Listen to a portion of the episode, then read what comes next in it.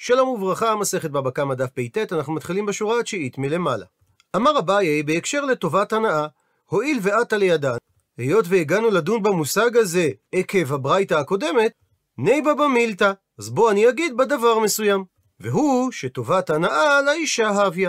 הוא מסביר רש"י, אישה מוכרת כתובתה לאחרים בטובת הנאה, שבמידה והיא תתגרש או שבעלה ימות לפניה, הם יזכו בכתובה, אז הדמים שהיא מקבלת עבור טובת ההנאה הזו שלהן, ואין לבעל בהן כלום. הוא מוכיח אביי את דבריו על פי הברייתא שראינו בתחילת העמוד. דאי סלקא דעתך, כי אם היה עולה על דעתך לומר שטובת הנאה לבעל הביה שהיא שייכת לבעל, אז אם כך, לימרו לעדים. יכולים העדים שזממו להפסידה כתובתה לומר לה, מה יפסדינך? מה הפסדנו אותך? שהרי אי הבת מזבנת לה לטובת הנאה, גם אם היית מוכרת את טובת ההנאה שיש לך בכתובה, לא היית נהנית מהכסף, שהרי הבעל הווה שקיל מנך, הוא היה לוקח ממך את הכסף הזה. ומזה שאמרה הברייתא שאותם עדים זוממים צריכים לשלם לה את טובת הנאת כתובתה, מוכיח אביי שטובת ההנאה שייכת לאישה בלבד ואין לבעל חלק בה. דוחה את הדברים אמר רב שלמן, שייתכן שהבעל מקבל את טובת ההנאה לידיו, ועדיין צריכים העדים הזוממים לשלם את טובת ההנאה לאישה, משום שבסופו של דבר דאיכא רווח ביתה. שהרי אפילו אם הבעל נוטל את טובת ההנאה, עדיין נוח לאישה למכור את טובת ההנאה בחייה, כדי שעל ידי כך תהא פרנסתה מצויה בביתה ברווח. ולעניין פסיקת הלכה אמר רבא, הלכתה שטובת הנאה מגיעה לאישה ואין הבעל אוכל פירות. מסביר רש"י שאנחנו לא אומרים שבטובת ההנאה שקיבלה האישה יילקח בהם קרקע והבעל יאכל את הפירות של הקרקע. מה היא טעמה? משום שפרע תקינו לרבנן, אבל פרע דפרע לא תקינו לרבנן. חכמים תיקנו שהבעל יאכל את הפירות של נכסי המלוג, שהם הנכסים שהכניסה האישה לבעלה בשעת הנישואים, והם נשארים רכוש האישה, והבעל נהנה מפירותיהם, אבל פרע דפרע, זאת אומרת, רווחים שמגיעים בצורה עקיפה לנכסי האישה, כגון טובת ההנאה של הכתובה, או כגון שנגנב ולד בהמת מלוג שלה ונתפס הגנב, ואז הוא משלם כפל, פירות כאלה לא תקנו רבנן לבעל. אבל מעיר תוספות שזה לא כולל פירות של פירות שכן באים באופן ישיר מגוף נכסי המילוג, כגון ולד ולדות של בהמת המלוג. שפשוט שפירות כאלה כן תקנו חכמים שהבעל זוכה בהם. וחוזרת עכשיו הגמרא לדון בתקנת אושה, כי עתה כשבאו רב פאפא ורב הונא ברי בנו דרב יהושע מבי רב, מבית המדרש, אמרי כך הם אמרו, תנינא, הרי שנינו בברייתא לכאורה לתקנת אושה. וכפי שהזכרנו בדף הקודם, על פי הסברו של החתם סופר, השאלה היא, מדוע אמרו שזה תקנת אושה, והלא מדובר על תקנה קדומה יותר שמוזכרת במשנה? שנאמר במשנתנו, העבד והאישה פגיעתן רעה, מפני שהחובל בהם חייב, אבל והם שחבלו באחרים פטורים. עד לכאן ציטוט המשנה, ומדייקים רב פאפא ורב הונא, ואי סלקא דעתך, ואם היה עולה על דעתך לומר שליתא לתקנת אושה, שהמשנה לא הייתה מודעת לתקנה כאין תקנת אושה, אז מדוע אמרה המשנה שאישה שחבלה באחרים פטורה? שהרי במידה ולא הייתה תקנה קדומה כתקנת אושה, שאומרת שאישה לא יכולה למכור את נכסי המילוג שלה, אז תזבין נכסי מילוג ותיתן לי. צריכה האישה למכור את נכסי המילוג שלה ולתת לאותו אדם שהיא חבלה בו.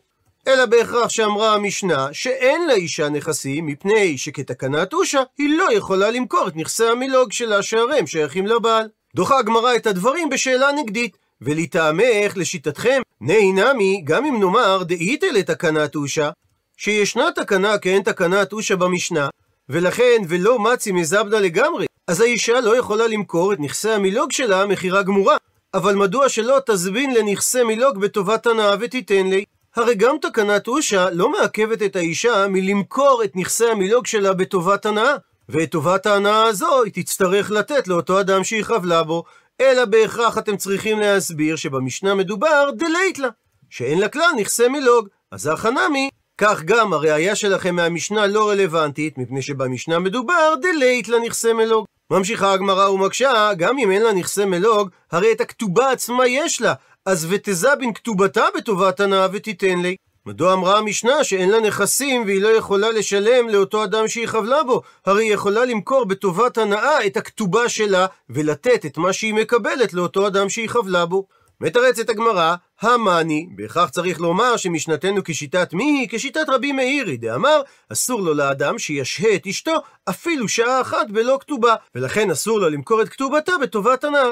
מקשה על כך הגמרא, וטעם המאי, מה הטעם שאמר רבי מאיר, שאסור לאדם שישהה את אשתו אפילו שעה אחת בלא כתובה, כדי שלא תהיה קלה בעיניו להוציאה? אז אם כך, אין מניעה שהיא תמכור את כתובתה בטובת הנאה לגורם שלישי, שהרי גם האחה לא מגרש לה. גם כאן, אם היא תמכור את הכתובה בטובת הנאה, לא יגרש אותה הבעל, דאם יגרש לה, אטו הנח דזבני גבו לה לכתובתה מיני. כי אם הוא יגרש אותה, יבואו אותם שקנו ממנה את טובת הנאתה של הכתובה, ויגבו ממנו את כתובתה. ואם כך חוזרת השאלה, מדוע המשנה אמרה שאישה לא משלמת על מה שהיא חבלה, הרי היא יכולה למכור את כתובתה בטובת הנאה ולשלם את טובת ההנאה הזו לנחבל. אלא, אומרת הגמרא, הסיבה שלא מכריחים את האישה למכור את כתובתה בטובת הנאה, מפני שטובת הנאה מילי נינו, ומילי לא משתעבדי. מכירה של טובת הנאת הכתובה היא רק מילים באוויר, שהרי הקונה לא מקבל ביד את גוף הכתובה, אלא הוא קונה את הסיכוי לזכות בכתובה, במידה והאישה לא תמות בחיי הבעל. ולכן אי אפשר לחייב את האישה למכור את הכתובה שלה בטובת הנאה, שהרי מילים זה לא נכס ממשי שמשתעבד לניזק. מקשה על כך הגמרא, אה למה לא? מדוע טובת ההנאה של הכתובה לא משתעבד לניזק? הרי זה מילי דמזדמנה בדינארי נינו. בסופו של דבר, יש לזה ערך כספי בשוק. ואם המילים הללו נמכרות בדינרים, אז מדוע שלא נכריח את האישה למכור את טובת ההנאה של כתובתה ולשלם את זה לניזק? אלא אומרת הגמרא שהסיבה שלא מכריחים אותה למכור את טובת ההנאה של כתובתה משום דשמואל. דאמר שמואל שאדם המוכר שטר חוב לחברו וחזר ומחלו בעל החוב המקורי לאותו אדם שחייב לו, הדין שהחוב מחול. ולא רק בעל החוב המקורי יכול למחול על החוב, ואפילו היורש שלו מוחל את החוב. ומהסיבה הזו מסביר רש"י, אמרה המשנה שפגיעתם רעה, שהרי גם אם נאמר לה למכור את טובת כתובתה, היות שזה מכירה שהיא תבצע בעל כורחה, היא תחזור ותמחל את כתובתה לבעל, ועל ידי כך ייגרם הפסד ללוקח. אמרי אמרו על כך את הקושייה הבאה, הרי לניזק היא חייבת בוודאות את הכסף, אז בוני זבין ותיתן לי, שתמכור את טובת הנאת כתובתה, ואת הכסף תיתן לניזק, וביחס לאותו אדם שקנה ממנה את טובת ההנאה, ואם אכלה לי לגבי בעל, תמחלה. אם בסופו של דבר היא תמחל על הכתובה לבעלה, אז אכן החוב מחול, אבל זה לא דבר שבוודאות יקרה, וגם מסתבר שאותו אדם שקנה ממנה את טובת ההנאה לקח את זה בחשבון, וזה בא לידי ביטוי במה שהוא שילם לה. אמרי אמרו על כך את התשובה הבאה, שכל לגבי בעל ודאי מחלה לי. וכל עניין כספי שהבעל חייב לה, היא ודאי מוכלת לו, כנראה משום שלום בית, ואפסידני להעוז בינה בידיים, לא אפסידינו. והיות שכך, אנחנו בית הדין לא רוצים לגרום לאותו לקוח שקנה ממנה את טובת הנעת הכתובה, להפסד בידיים, דהיינו בצורה ישירה. וכי תימה, אז אולי תאמר, שלא תמכור האישה את טובת הנעת כתובתה לאדם שלישי ותיתן את הכסף לניזק, אלא זבינן יעלי להוא דחבלה בי בטובת הנאה. שתמכור ישירות לאותו אדם שהיא חבלה בו את טובת ההנאה של כתובתה. הפכנו דף דאם מחלה לגבי בעל לא כמפסיד. שהרי גם אם היא תמחה לבעלה על הכתובה, ועל פי דברי שמואל, אכן הכתובה מתבטלת וממילא אין משמעות ממונית לטובת ההנאה של הכתובה, עדיין אותו נחבל לא יפסיד שום דבר. דהשתא נמי לא קמידי כיאהב עלי. שהרי עכשיו, אם היא לא תיתן לו את טובת ההנאה של הכתובה, היא גם לא תיתן לו שום דבר אחר. ומסבירה הגמרא שלא עושים את זה מפני שסוף סוף כל לגבי בעל ודאי מחלה, שכפי שאמרנו, כל עניין כספי שיש בין האישה והבעל, האישה ודאי תמחה לבעלה, והטרוחי בית דינא בכדי לא מטריחינן. ואנחנו לא נטריח את בית הדין טריחת חינם שהם יכפו אותה למכור את טובת הנאת כתובתה לנחבל, כאשר אנחנו יודעים בוודאות שלאחר מכן היא תמחה לבעלה לכתובה. ממשיכה הגמרא ומקשה, אלא הדתניא, כיצד דין המשנה שהאישה לא צריכה למכור את כתובתה מסתדר עם דברי התוספתא שאמרה וכן היא שחבלה בבעלה לא הפסידה כתובתה. עד לכאן הציטוט מהתוספתא ושואלת הגמרא, עמי, מדוע אם היא חבלה בבעלה היא לא מפסידה מכתובתה? שהרי תזבנין אני אעלה לכתובתה לבעלה בטובת הנאה בהחבלה תמכור האישה, או יותר נכון תקנה לבעלה, את השווי הכספי של טובת ההנאה שיש לה בכתובתה, כתשלום עבור החבלה שחבלה בו. שהרי גם דאם אכלה על הכתובה לגבי בעל, ליקה פסיידה, לא נגרם לו שום הפסד. אז מדוע אמרה התוספתא שלעולם אישה שחבלה בבעלה לא הפסידה כתובתה? מתרצת הגמרא שצריך לומר, הא שהתוספתא ודאי שיטת רבי מאירי. דאמר רבי מאיר, אסור לאדם שישה את אשתו אפילו שעה אחת בלא כתובה. מקשה על כך הגמרא, וטעם מים, מה הטעם שאמר רבי מאיר, שאסור לאדם שישה את אשתו אפילו שעה אחת בלא כתובה? כדי שלא תהא קלה בעיניו להוציאה. כי לגירושין יש גם משמעות כספית. ואם היא תקנה לו את טובת ההנאה בגלל החבלה, אז הכא כאן ייווצר מצב שלא תהיה לבעל עכבה שהוא מגרש לה, היות וגבי לה בחבלי מינה, שהוא כבר בעצם גבה את שווי כתובתה עבור מה שהיא חבלה בו. אבל היא אחי, אם כך, השתנמי. אבל עכשיו גם שהעמדת את התוספתא כשיטת רבי מאיר, שהיא לא מקנה לבעל לטובת הנעת כתובתה, כדי שהיא לא תהא קלה בעיניו להוציאה, נוצר בדיוק מצב הפוך, שאין לו בעיה לגרש אותה, שהרי כאשר הוא מגרש לה, הוא נותן לה את כתובתה, וגבי לי בחבלי מינה, והוא גובה ממנה חזרה את כתובתה עבור תשלום החבלה. מתרצת הגמרא שבתוספתא מדובר, כגון דנפיש כתובתה, דמי הכתובה מרובים, דמשום ההוא לא מפסיד טובה. ומשום אותו סכום קטן שהוא יכול לגבות עבור החבלה, הוא לא יגרום לעצמו נזק גדול בהפסד תשלום הדמים המרובים של הכתובה. ממשיכה הגמרא ומקשה, ואם מדובר דנפישה כתובתה מכתובה דאורייתא, אם מדובר ששווי הכתובה שהוא כתב לה הוא יותר משווי של 200 לבתולה, ולאלמנה זה יותר מ-100, שזה הכתובה הראויה לאישה מהתורה, אז מדוע אמרה התוספתא שהאישה שחבלה בבעלה לא הפסידה כתובתה? נוקמה הכתובה דאורייתא, נעמיד את שווי הכתובה על פי ערך הכתובה מדאורייתא, 200 לבתולה, 100 לאלמנה, וזה עדיין עונה על הצורך שאמר רבי מאיר, שאסור לאדם לשהות עם אשתו אפילו שעה אחת בלא כתובה, ואידך תזבנני עלי בחבלי, ואת שאר תוספת הכתובה היא תמכור לבעלה בטובת הנאה, ותיתן לו עבור התשלום של מה שהיא חבלה בו. ואכן מוכרחת הגמרא לומר שבתוספת המדובר כגון דלא נפישה כתובתה מכתובה דאורייתא, שאין תוספת בכתובתה יותר מאשר הכתובה שחייבה התורה, והתשלום על החבלה נמוך משמעותית מסכום הכתובה, דהווה חבלי שווי של ארבעה זוזי, ששווי התשלום על החבלה הוא ארבעה זוזים, דמשום ארבעה זוזי לא מפסיד 25 זוזים. ש-25 סלעים, דהיינו 100 זוז, זה השיעור המינימלי של הפחותה שבכתובות, שזו כתובת אלמנה. ממשיכה הגמרא ומקשה, אלא כיצד תסביר הדתניא, את המשך התוספתא, שכשם שלא תמכור והיא תחתיו, כך לא תפסיד והיא תחתיו. הוא מסביר רש"י שהגמרא מבינה בשלב הזה שכך כוונת התוספתא לומר כשם שאינה יכולה למכור בעודה תחתיו כך היא לא תפסיד מכתובתה כלום בשביל שום חבלה ונזק שהיא תזיק בעודה תחתיו. אבל מקשה הגמרא והזימנין הרי לפעמים משכח לה דמפסדה. כן מצינו שהאישה מפסידה את כתובתה כדי לשלם על נזק ואיך היא דמי באיזה מציאות מדובר? כגון דנפישה כתובתה מכתובה דאורייתא כפי שהסברנו קודם, שבמקרה שכתובתה גבוהה מאשר ערך הכתובה שחייבה התורה, ניתן להעמיד את הכתובה על הערך שחייבה התורה, ואת שאר כסף הכתובה תצטרך האישה לשלם לבעל עבור מה שחבלה בו. ואיך זה מסתדר עם דברי התוספתא, שכשם שהאישה לא יכולה למכור את כתובתה לגמרי כאשר היא תחת בעלה, כך גם לעולם היא לא תפסיד את כתובתה כאשר היא תחתיו. עונה על כך, אמר רבא, שהסיפא של התוספתא הטען לכתובת בנין דכרין. היא הובאה בהקשר של כתובת בנין זכרים, ומבאר רש"י את הדברים על פי הגמרא במסכת כתובות, שכותב הבעל לאישה, בנין דכרין דייבו לכי מיני, הבנים שיוולדו לך ממני, אינון יהבין ירתון כסף כתובתך, הם ירשו את כסף הכתובה, וזה יהיה יתר על חולקי הון, על מה שהם יחלקו בשאר נכסיי דאימך הון עם האחים שיש לי מנשים אחרות. הוא מבאר רש"י את המציאות.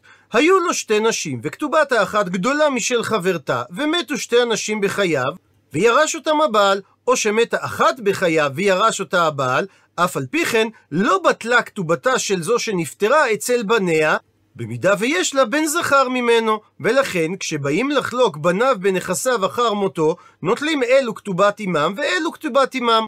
ולאחר מכן, את שאר הנכסים שלו הם חולקים בשווה ביניהם, ואין יכולים בני האישה שנשארה קיימת לומר לבן שאימא שלו נפטרה, אנו ניטול כתובת אמנו, שהרי היא עכשיו בעלת חוב אצל נכסי אבינו. ואתם לא תתלו כתובת עמכם, שהרי אין לעמכם כתובה, שהרי בעלה, דהיינו אבינו המשותף, ירש אותה. הוא מסביר רבא, והכי קטני, וכך כתוב בסיפא של התוספתא. כשם שהמוכרת כתובתה לאחרים לא הפסידה כתובת בנין דכרין, על פי מה שאומרת הגמרא במסכת כתובות, שאישה מוכרת כתובתה לאחר בטובת הנאה, ומתה אישה בחיי בעלה, אז בעלה יורש אותה, ומפסיד הלוקח את טובת ההנאה שהוא שילם, וגם במקרה כזה, לא הפסידו בניה את כתובת בנין דכרין, ולא יכולים לומר בני האישה השנייה, עמכם פשעה בה, שאילו הייתה קיימת, הרי לא הייתה גובה, כי הלקוחות שהיא מכרה להם את טובת הנאת הכתובה, הם היו גובים את הכתובה. אבל לא מקבלים את טענתם, מה הייתה מה? כי יכולים בני האישה לומר, זו זה יהודה אנסוה. היא הייתה לחוצה כספית, ולכן היא מכרה את טובת הנאת כתובתה, אבל היא לא התכוונה להפסיד אותנו מלרשת את כתובת בנין דכריים במידה והיא תמות לפני אבא. וממשיכה התוספתא ואומרת, אז כך מוכרת כתובתה לבעלה, לא הפסידה את כתובת בנין דכרין. כי הם יכולים לומר את אותו הסבר שהיא הייתה לחוצה כספית, והיא לא התכוונה לוותר על הזכות של כתובת בנין דכרין ולהפסיד אותם. ועל פי ההסבר הזה, במקרה שאישה חבלה בבעלה ושווי כתובתה מרובה מכתובה דאורייתא, נעמיד את הכתובה על שווי כתובה דאורייתא, ועבור החבלה שהיא חבלה בבעלה, היא תקנה את טובת ההנאה של סכום הכתובה העודף על כתובה דאורייתא. וממשיכה הגמרא לדון בתקנת אושה. לימה, אולי נאמר שתקנת אושה תנאי, היא תלויה במחלוקת תנאים. דתני חדה, שברייתא אחת אומרת, עבדי מילוג, עבדים שגופם שייך לאישה, והבעל יכול להשתמש בהם, יוצאים בשן ועין לאישה, זאת אומרת, במידה שהאישה הפילה היא את שינו או סימה את עינו של העבד הכנעני, אז הוא יוצא לחופשי בגלל שהיא הבעלים שלו, אבל לא לאיש, שאם סמא בעלה את עין העבד הכנעני או הפיל את שינו, לא יצא העבד לחירות, לפי שאין גופו של העבד קנוי לבעל. ותניא אידך, וברייתא אחרת לעומת זאת אומרת, שעבדי מילוג לא יוצאים בשן ועין, לא לאיש ולא לאישה. בין אם האיש גרם את הנזק, בין אם האישה גרמה את הנזק. ומבארת הגמרא, סברוע אותם תלמידים שהקשו את הקושייה. דכולי עלמא ששני התנאים של הברייתות סוברים שקניין פירות לאו כקניין הגוף דמי, ולכן קניין הפירות שיש לבעל בעבדים הכנעניים אינו נחשב כקניין הגוף, וזה תואם לדעתו של ריש לקיש, כפי שראינו בדף פ"ח עמוד ב' שנפסקה הלכה כמותו בנושא הזה. ואם כך, מה אליו באקא מפלגי? האם הם לא נחלקו בדבר הבא? דמאן דאמר, שזה התנא של הברייתא הראשונה, שעבדי מילוג יוצאים בשן ועין לאישה אבל לא לאיש, זה מפני שלית לתקנת אושה.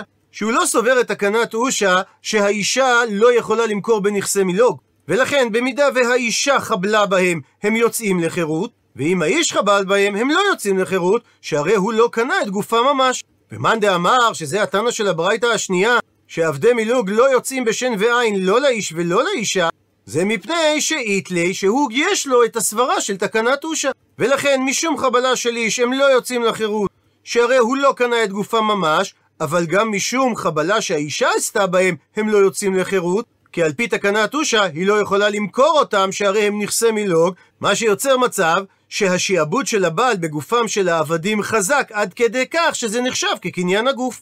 מביאה על כך הגמרא שלושה תירוצים. תירוץ ראשון, לא. דכולי עלמא, שני התנאים סוברים שאיתלאו תקנת אושה.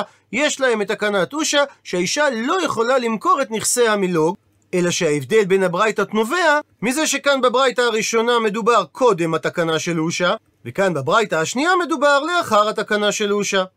והיא באי תימה, ואם תרצה תאמר תירוץ שני, אידי ואידי זה וזה, דהיינו שתי הברייתות מדברות לאחר התקנה של אושה, והתלאו ויש לשניהם את תקנת אושה שלאישה אסור למכור את נכסי המילוג. אלא אם כך למאן דאמר, שזה התנא של הברייתא הראשונה, שעבדי מילוג יוצאים בשן ועין לאישה ולא לאיש, מה איתמה? כדרבה, דאמר רבה, הפכנו דף שישנם שלושה דברים, הקדש, חמץ ושחרור, שהם מפקיעים מידי שיעבוד. הוא מסביר רש"י, הקדש זה כגון שאדם עשה את שורו אפוטקי, משועבד לבעל חובו לגביית החוב, וחזר לאחר מכן הלווה הזה, והקדיש את השור קדושת הגוף למזבח. בכך הוא הפקיע את שעבוד המלווה מהשור, ומותר השור למזבח, ואין בו משום גזל. משום, לפי הגאות הבח, שכוח ההקדש מפקיעו.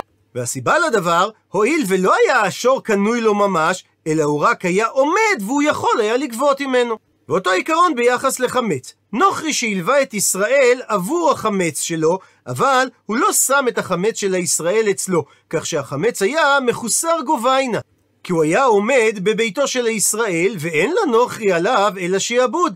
אז כשמגיע עת ביעורו של החמץ, מפקיע איסור החמץ את שיעבוד הנוכרי על החמץ, וחייב הישראל לבאר את החמץ. ומעיר רש"י שזה לא סותר את המשנה בפסחים שאומרת, נוכרי שילבה לישראל על חמצו, מותר החמץ בהנאה אחר הפסח, כי רבא מעמיד את המשנה שם, שהישראל נתן את החמץ כמשכון ביד הנוכרי, באופן כזה לא מחוסר החפץ גובה עינה, וזה לא נחשב שהוא רק משועבד לנוכרי, אלא שהנוכרי קנה אותו ממש. באותו עיקרון גם ביחס לשחרור, שאדם עשה את עבדו הכנעני אפוטקי, מיועד לגביית חוב, ושחררו לאחר מכן הלווה, שהדין שהעבד הכנעני משוחרר, והמלווה צריך לגבות את חובו ממקום אחר. והתנא של הברייתא הראשונה, למרות שהוא סובר את תקנת אושה, בכל זאת הוא אמר שעבדי מילוג יוצאים בשן ועין לאישה, כי הוא סובר כרבה, שבמידה והאישה תשחרר את העבד, אז זה יפקיע את השעבוד שיש לבעל בעבד, והעבד ישתחרר. אז אם כך שואלת הגמרא, לאמא דרבא תנאי? האם התנאים של הברייתות נחלקו בסברה של רבא? אומרת הגמרא, הם לא נחלקו בדברי רבא. דכולי עלמא שכל העולם, דהיינו שני התנאים של הברייתא, איתלאו יש להם את הסברה דרבא. שאכן שחרור עבד מפקיע אותו מידי שיעבוד. ואחא, וכאן התנא של הברייתא השנייה, שאמר שעבדי מילוג לא יוצאים בשן ועין אפילו לא אם האישה הכתה אותם, זה מפני שהוא סובר שעלמו הרבנן לשיעבודו דבעל. שעל ידי תקנת אושה חיזקו חכמים את שיעבוד הבעל בעבד, שאפילו אם האישה תשחרר אותו, הוא לא ישתחרר. עד לכאן דף פט.